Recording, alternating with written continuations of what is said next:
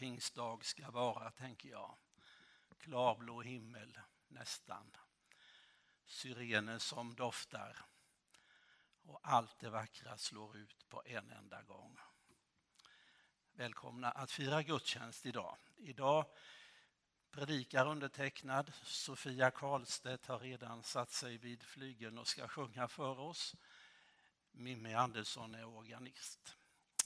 Vi firar nattvard idag. Vi går mittgången fram och får brödet och vinet och sidogångarna tillbaka. Om inte du vill gå fram till våra böneljus så gå åt det hållet. Välkomna som sagt. Nu ska Sofia sjunga och det finns en strof i den sången hon sjunger nu som lyder så här. Kom Jesus, kom hit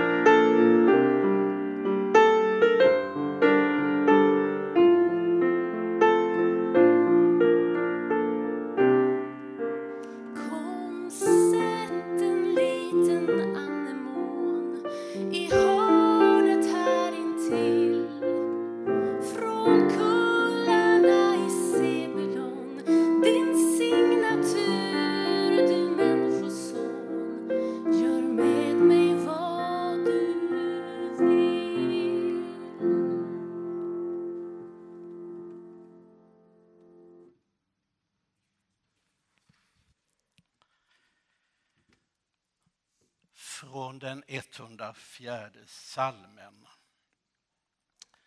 Alla sätter sitt hopp till dig. Du ska ge dem föda i rätt tid. Du ger dem och de tar emot. Du öppnar din hand och de, mätt, och de äter sig mätta. Du döljer ditt ansikte och de blir förskräckta. Du tar ifrån dem deras ande och de dör och det blir åter till mull.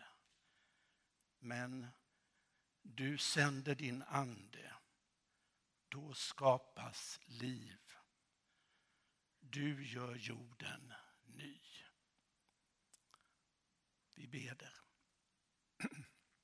Så Herre, tackar vi dig för att vi än en gång har fått en ny dag. Vi tackar dig för att vi får mötas här i kyrkan för att be till dig, läsa om dig, sjunga om dig. Och vi ber dig Herre om att du får bli insläppt i våra liv. Du står där och knackar och vill in.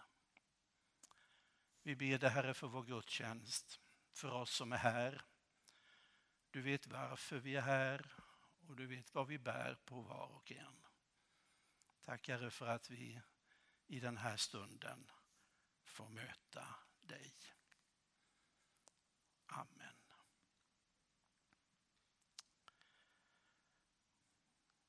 Så ska vi sjunga salmen 162.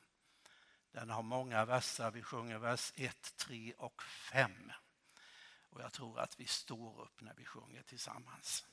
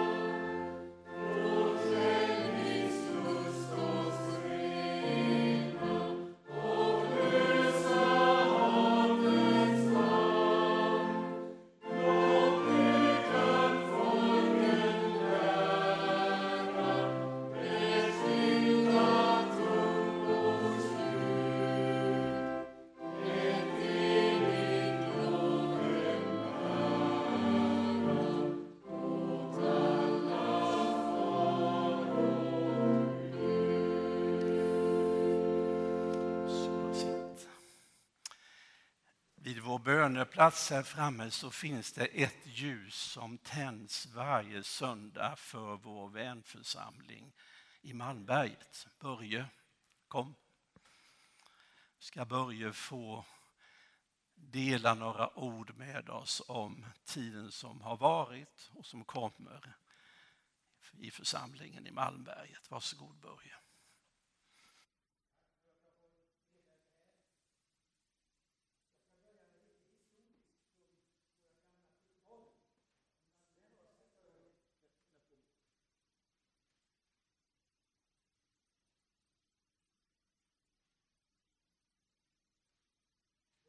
Börja med några protokoll som finns i vår församling sedan långt tillbaka i tiden. År 1888 det var ett historiskt år i Malmbergets historia. För då fullbordades järnvägen Malmberget, Gällivare, Luleå. Men med järnvägsbygget följde en mängd människor från hela Sverige som gav liv och rörelse åt vildmarken, står det. Många järnvägsbyggare stannade kvar i Malmberget Bland dem fanns bland annat en som Det står om att han heter K.L. Sandstedt från Bodafors. Och den här lilla gruppen människor som var troende samlades tydligen till olika samlingar där uppe. Och den 19 november 1893 samlades några troende angående församlingsbildning. Nämnde Sandstedt ställde frågan anses det, anses det vara av behov och nytta att en sammanslutning bland de troende här på platsen kommer till stånd. Det blev ett samstämmigt ja. Och den 3 december beslutades om församlingsbildandet. 14 bröder och fem systrar anmälde sig till medlemskap.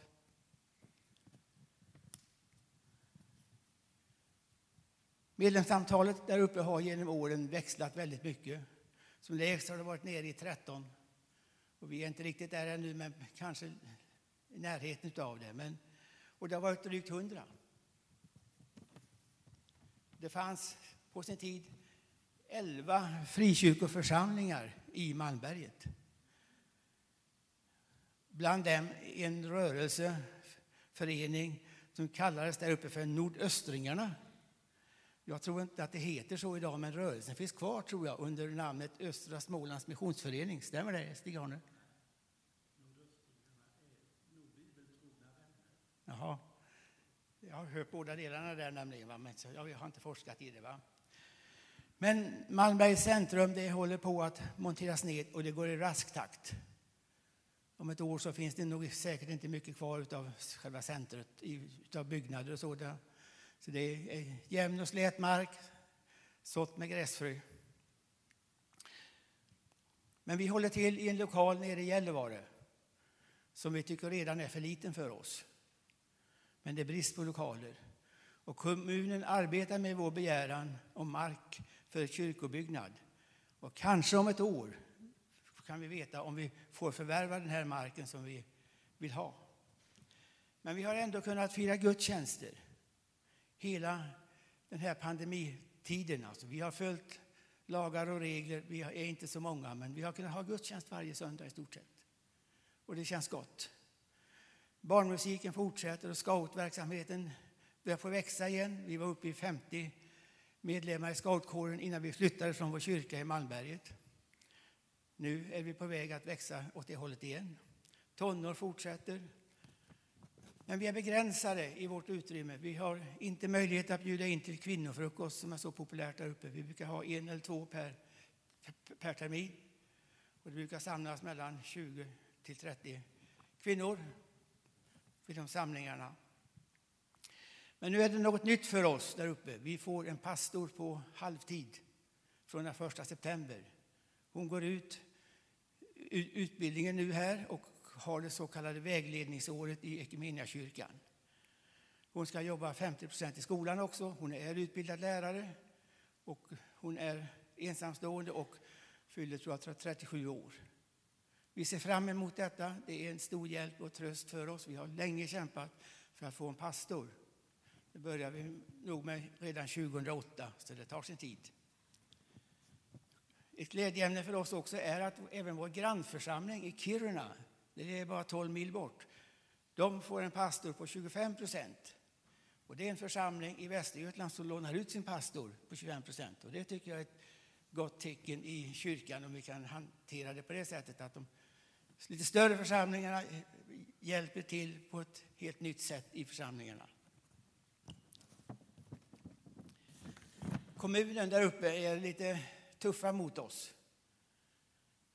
De har dragit in allt bidrag för barn och ungdomsverksamhet för religiösa och politiska föreningar. Vi har genom samtal och påtryckningar lyckats få tillbaka lite bidrag för scoutrörelsen. Men något mer får vi inte. Men det är då ett före detta kommunalråd som har hjälpt oss, som själv är aktiv i Svenska kyrkan. Vår situation utan kyrkobyggnad, där det känns, om ni tror, att inte ha något kyrkorum att gå till.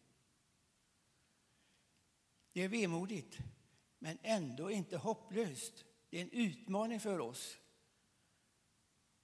att ta detta på allvar. Och det går att möta människor på, även på andra ställen. Och på gudstjänsterna under mars månad främst, och det håller i sig, har deltagarantalet på gudstjänster ökat en del. Vi, sist när jag var med på gudstjänst så var vi 11 personer och det är mycket om man ska mäta det i antalet människor som kommer. Men vi når ut på ett annat sätt också. Vi, sedan mars 2020 så sänder vi ut en andakt på nätet en gång i veckan. Och det håller vi på med hela året och jag vet att det är ganska många som lyssnar. Och, och det känns också roligt. Och det känns speciellt roligt när man möter människor på samhället som säger tack för andakten, som inte brukar gå i våra samlingar. Så det finns ett behov av detta. Själv försöker jag vara på ett av Gällivares kaféer varje vecka, ett antal gånger. Och jag har två vänner som jag umgås mycket med som icke är församlingsmedlemmar men varmt troende människor som är med. Och en hel del kontakter skapas där. Bland annat har jag fått god kontakt med kommunstyrelsens ordförande som verkar spännande och bra. Och en annan politiker som jag träffade där berättade om sin scouttid i Missionskyrkan i Malmberget. Där han säger så här, vi fick ju till och med spela bowling på mittgången fram i kyrkan och vi hade så roligt och det var gott i kyrkan. Och vi får höra flera sådana vittnesbörd då och då och det känns gott att det har verkat på något sätt. Så att vi ser framåt med tillförsikt och vi är väldigt tacksamma för att vi får en pastor nu. Ett, ett par citat från Anders Petter Sjödins bok Sök Guds ansikte. Där det står så här. Guds väsen är mission. Kyrkan lever av att missionera. Kan vi be tillsammans? Tack Jesus Kristus för att du är vår ledare. Du är vår hjälpare. Du är vår frälsare. Tack Jesus Kristus för Malmbergs missionsförsamling. Tack för dessa vänförsamlingar som vi får ha här i Taberg, i Rönninge och i Grimsås. Tack Herre för att vi får be om din välsignelse och din ledning och att vi är lyhörda för vad du vill säga till oss. Tack för din kallelse till oss som du inte ångrar. Vi får vara med. Hjälp oss att tjäna dig så att människor blir frälsta. Tack för att du hör bön. Amen.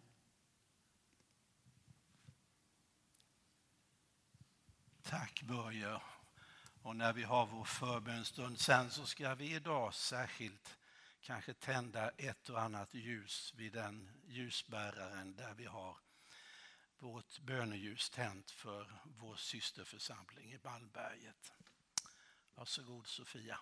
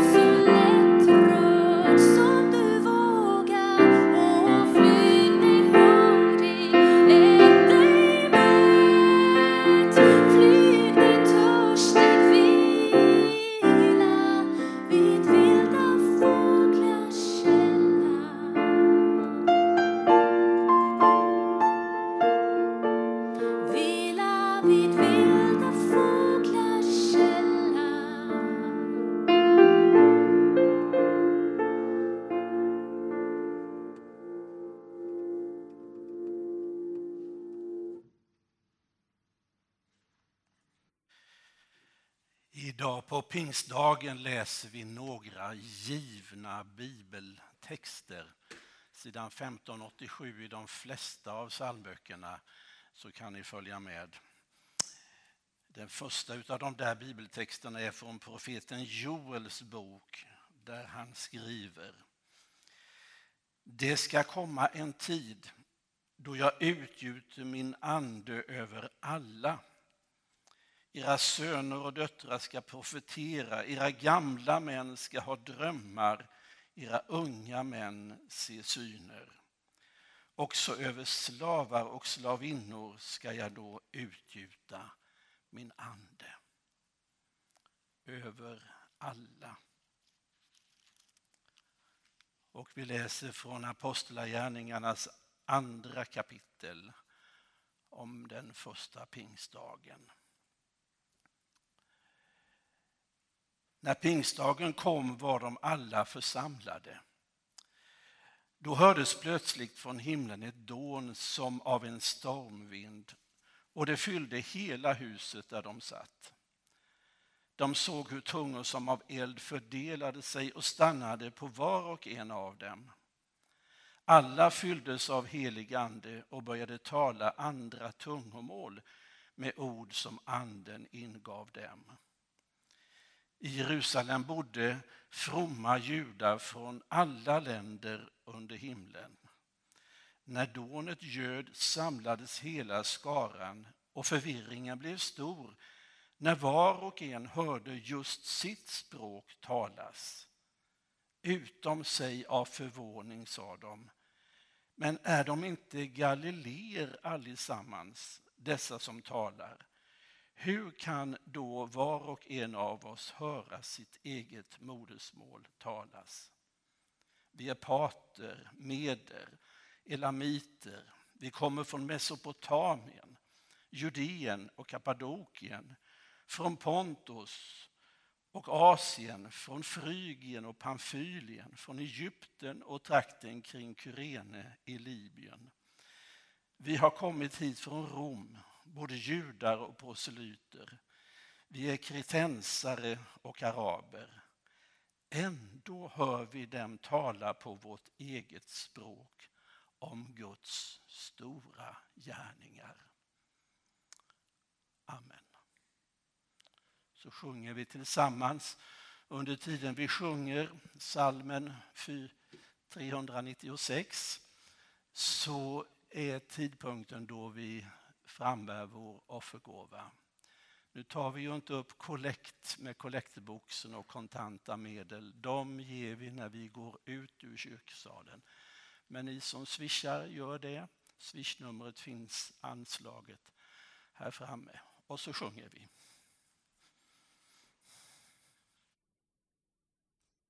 Mm.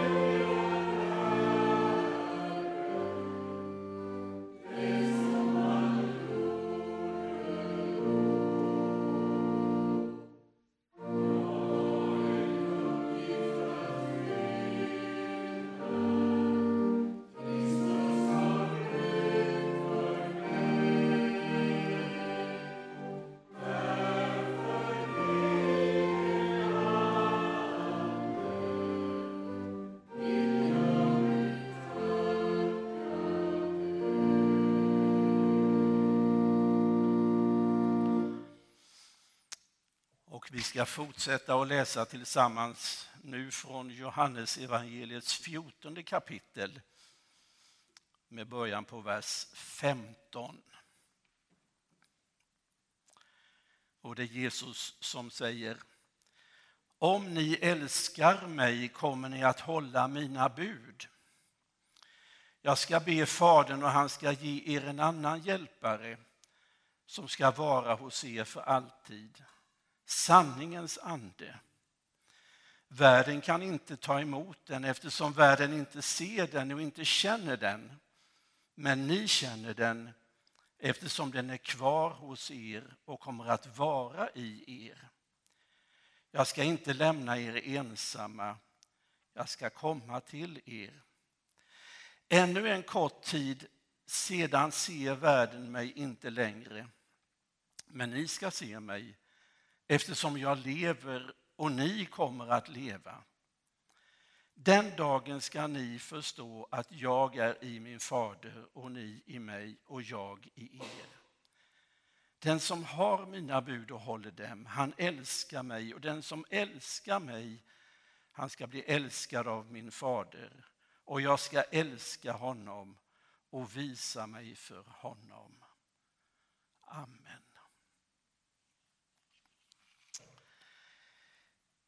Pingsten är en av kristenhetens tre stora högtidshelger.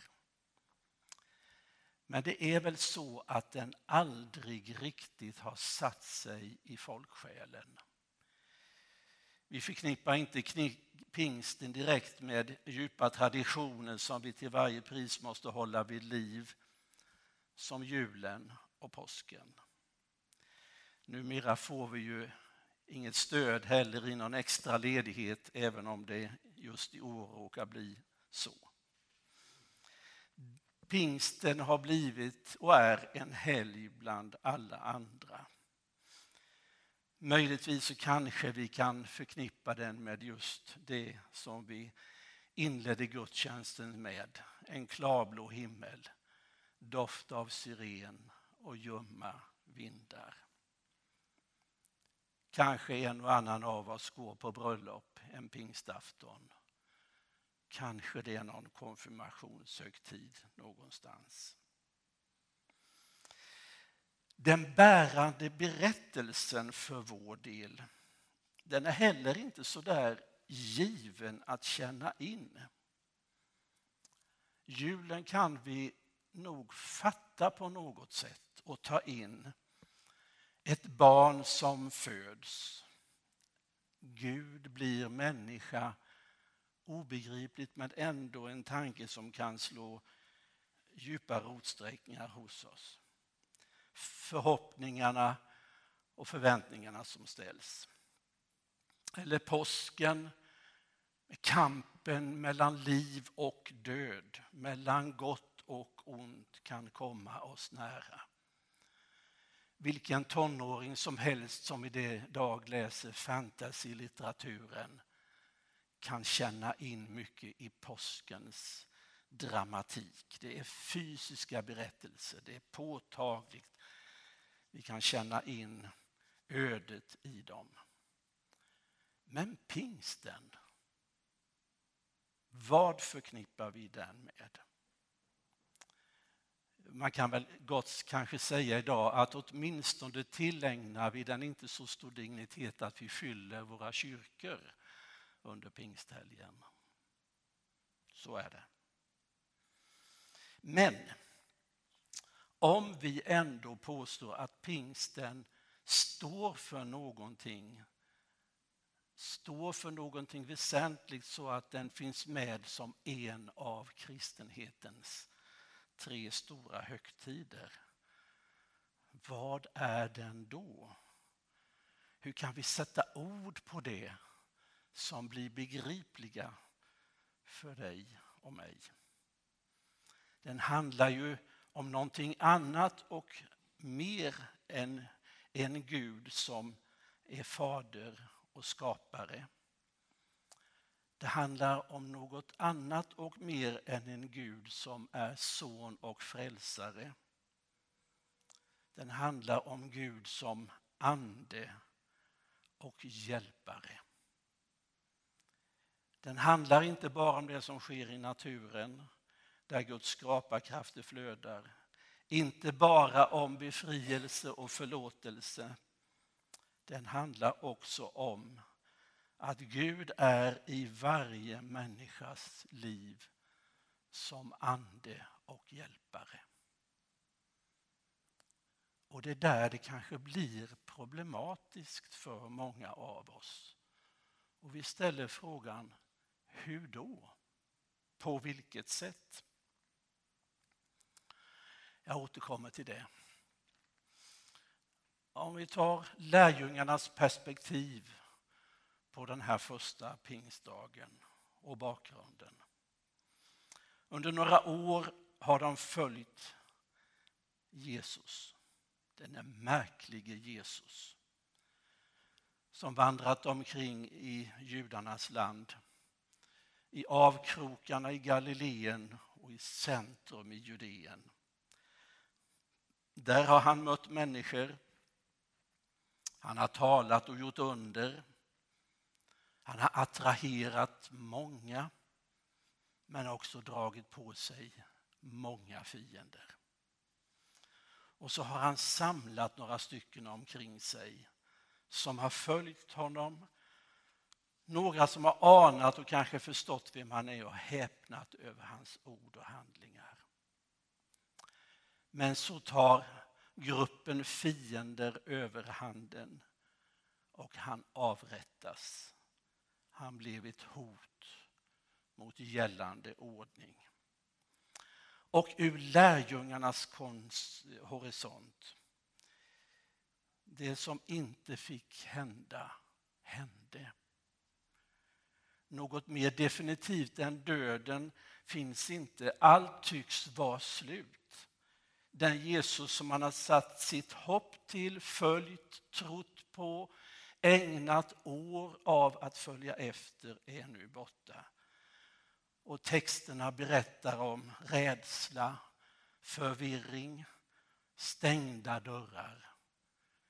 Det är kris i deras liv. En kris som är ett faktum. Han uppstår visserligen, han visar sig för några av dem och den där märkliga händelsen med att han tas upp till himmel igen, igen när också änglar talar glimtvis ser de någonting igen av det som varit. Anden gavs till människor som var i kris. Som mådde dåligt. Som inte hade något hopp i sitt liv. Och pingsten i deras perspektiv blev något mycket mer än en extra krydda på livet. Kan vi känna in oss just där? Vi människor når ibland botten. Vi människor hamnar nu och då i lägen som vi inte vill ha. Där sammanhanget är borta, frågorna och förlusterna är stora. Det är kaos och det är en känsla av slut. Och det är sorg, en stor sorg. Blev det inte mer av detta? Och vad ska hända nu?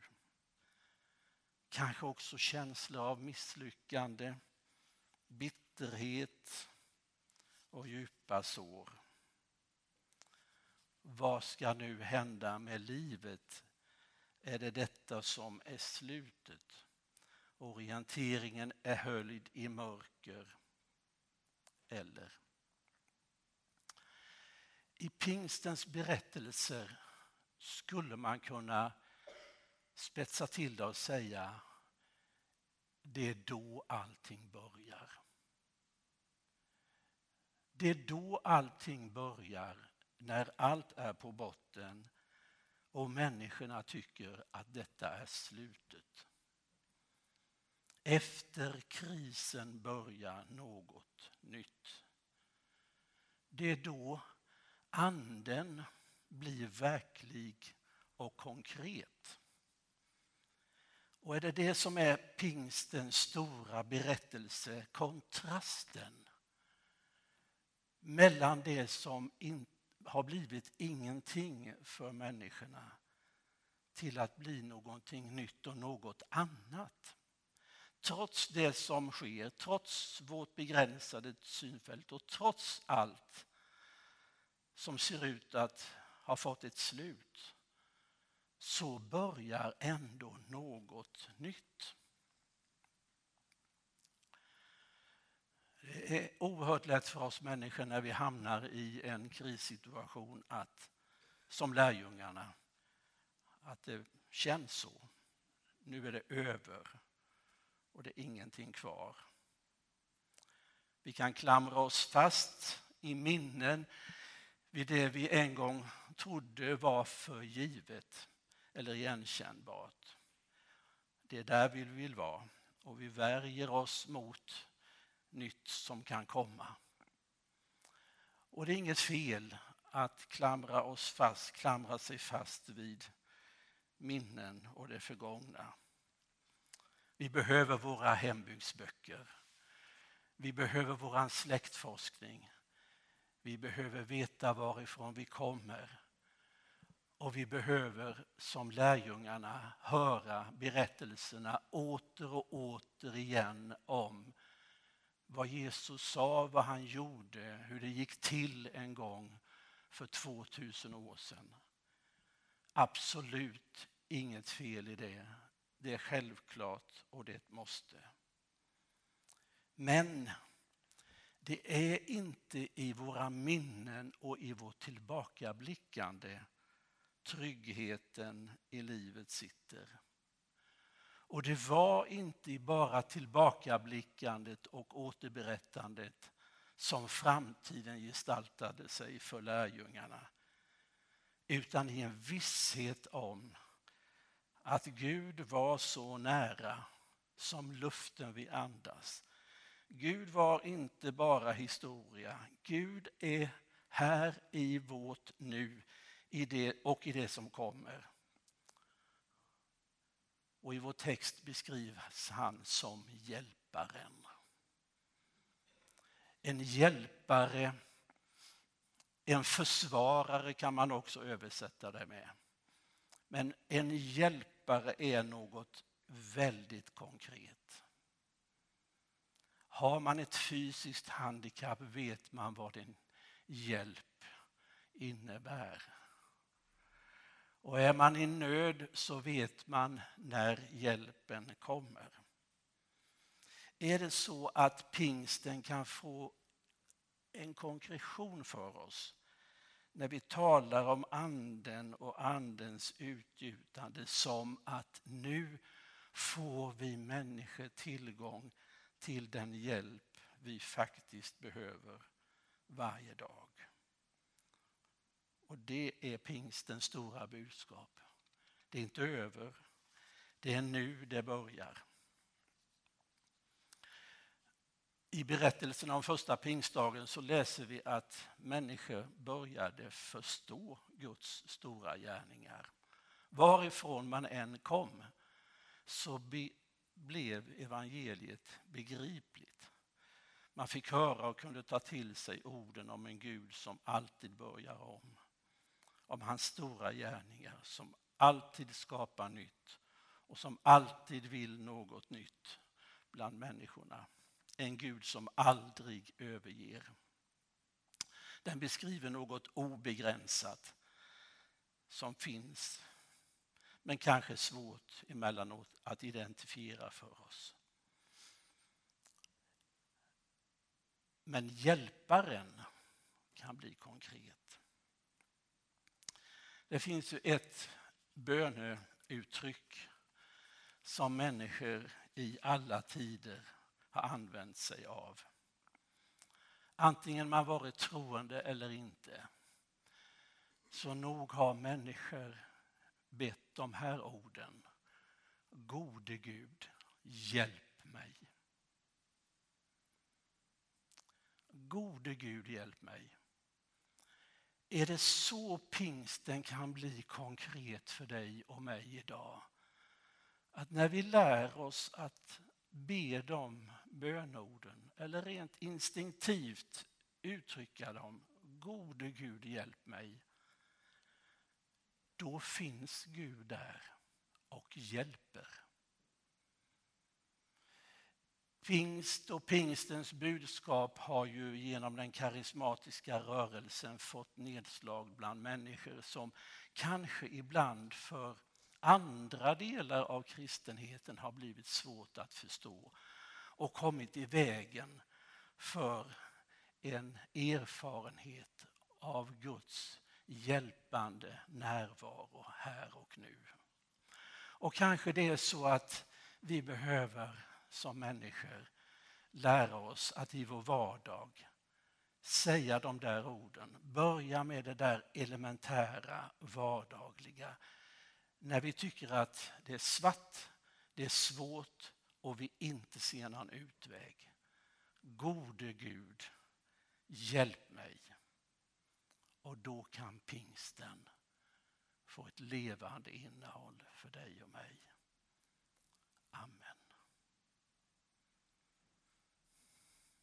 Tack Herre för att du inte håller dig på avstånd.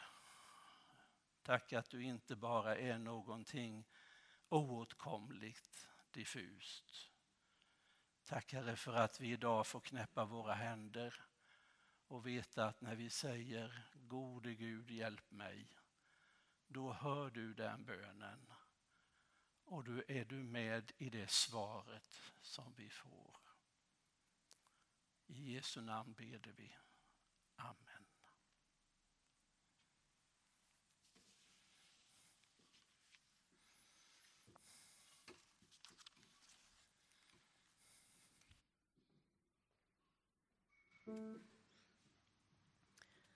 Jag tror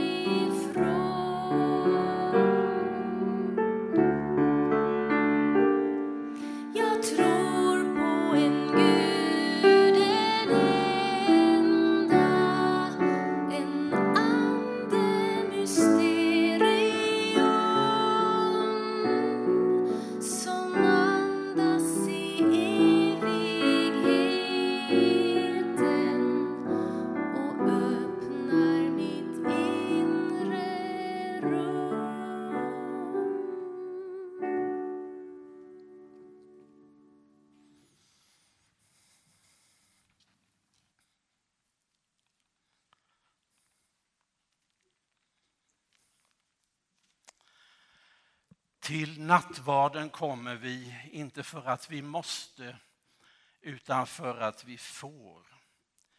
Inte för att vi är felfria utan för att vi är älskade. Inte för att vi är färdiga utan för att vi söker. Vi kommer för att vi behöver gemenskapen med varandra och med Gud. Nattvardsbordet är dukat. Jesus Kristus bjuder oss att vara med. Han har lovat att det är två eller tre är samlade i hans namn. Där är han mitt ibland dem.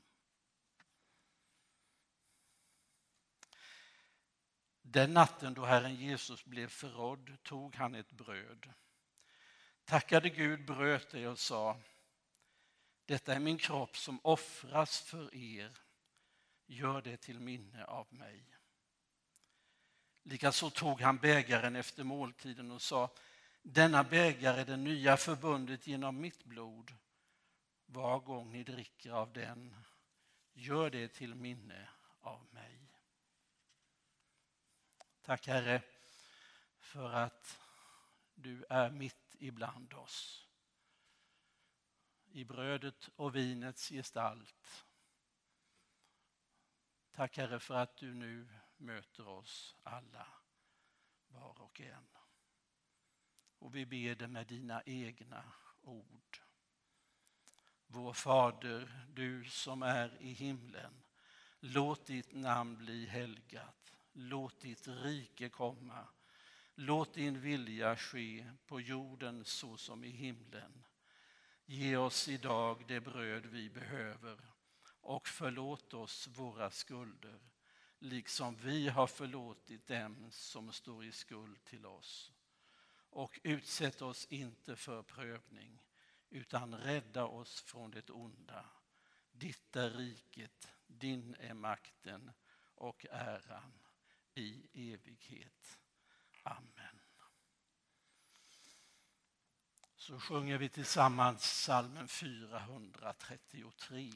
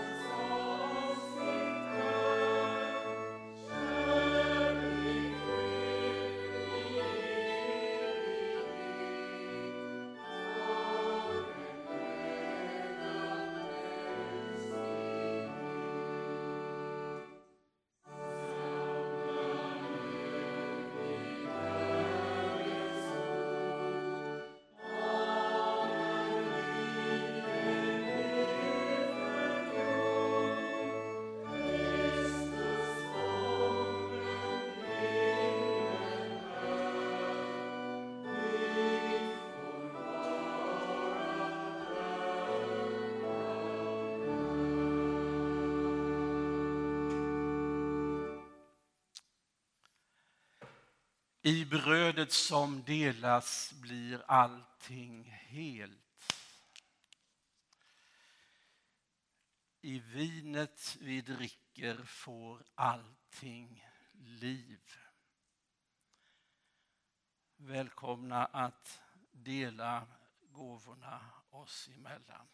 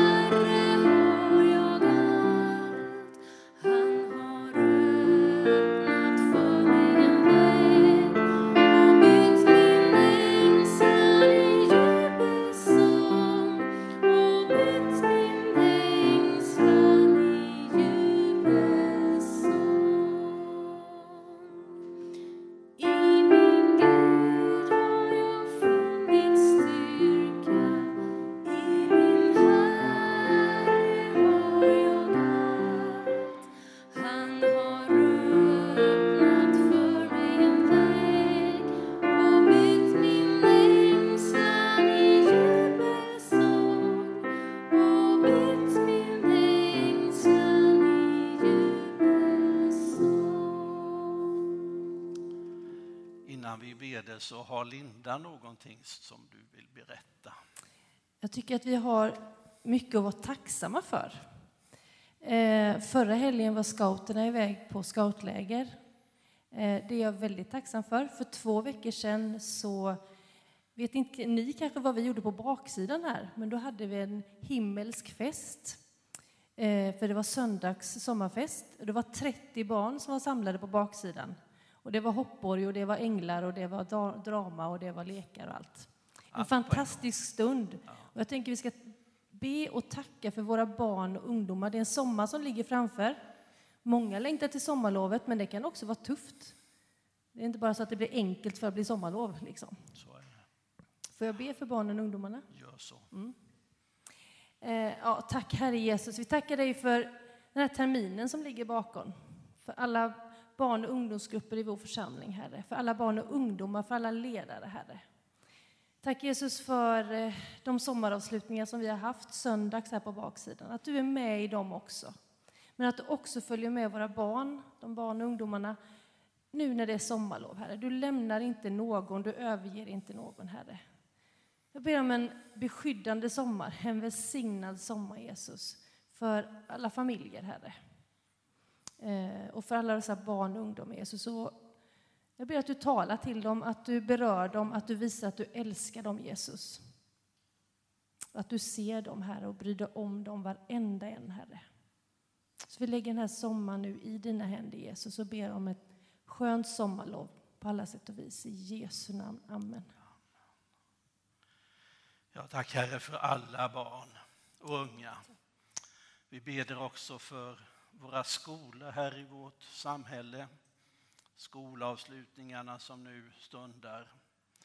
Herre, låt det få bli en fin högtid för barnen, eleverna och lärarna. Och så Herre ser du alla böneljus som är tända. Du vet vad som finns bakom alla dem. Du vet Herre om de vi har tänt för som lider av sjukdom och som har det svårt. Tack att vi får lägga deras liv i dina barmhärtiga händer, Herre. Och vi ber också för det stora i världen, det som är svårt att greppa. Och vi kan inte kanske annat än att sucka, Herre gode Gud, hjälp oss människor att kunna leva i fred med varandra. Herre, vi ber för människorna i Ukraina som lider just nu. Herre, kom med, din, kom med ditt förbarmande över människor. Vi ber det så i ditt eget namn, Herre. Amen.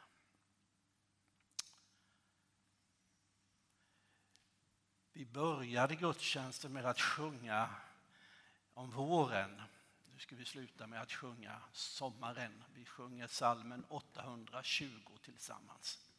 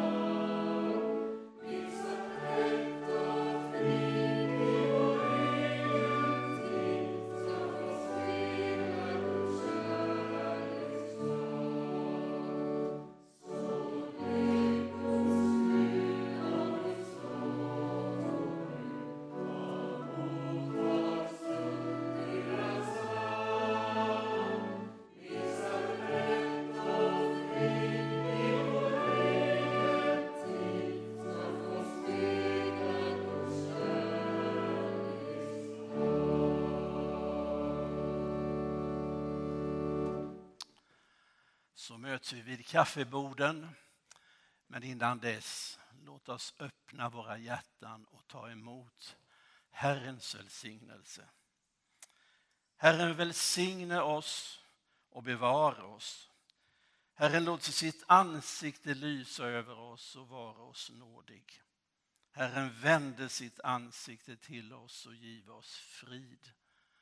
I Faderns, Sonens och den helige Andes namn. Amen.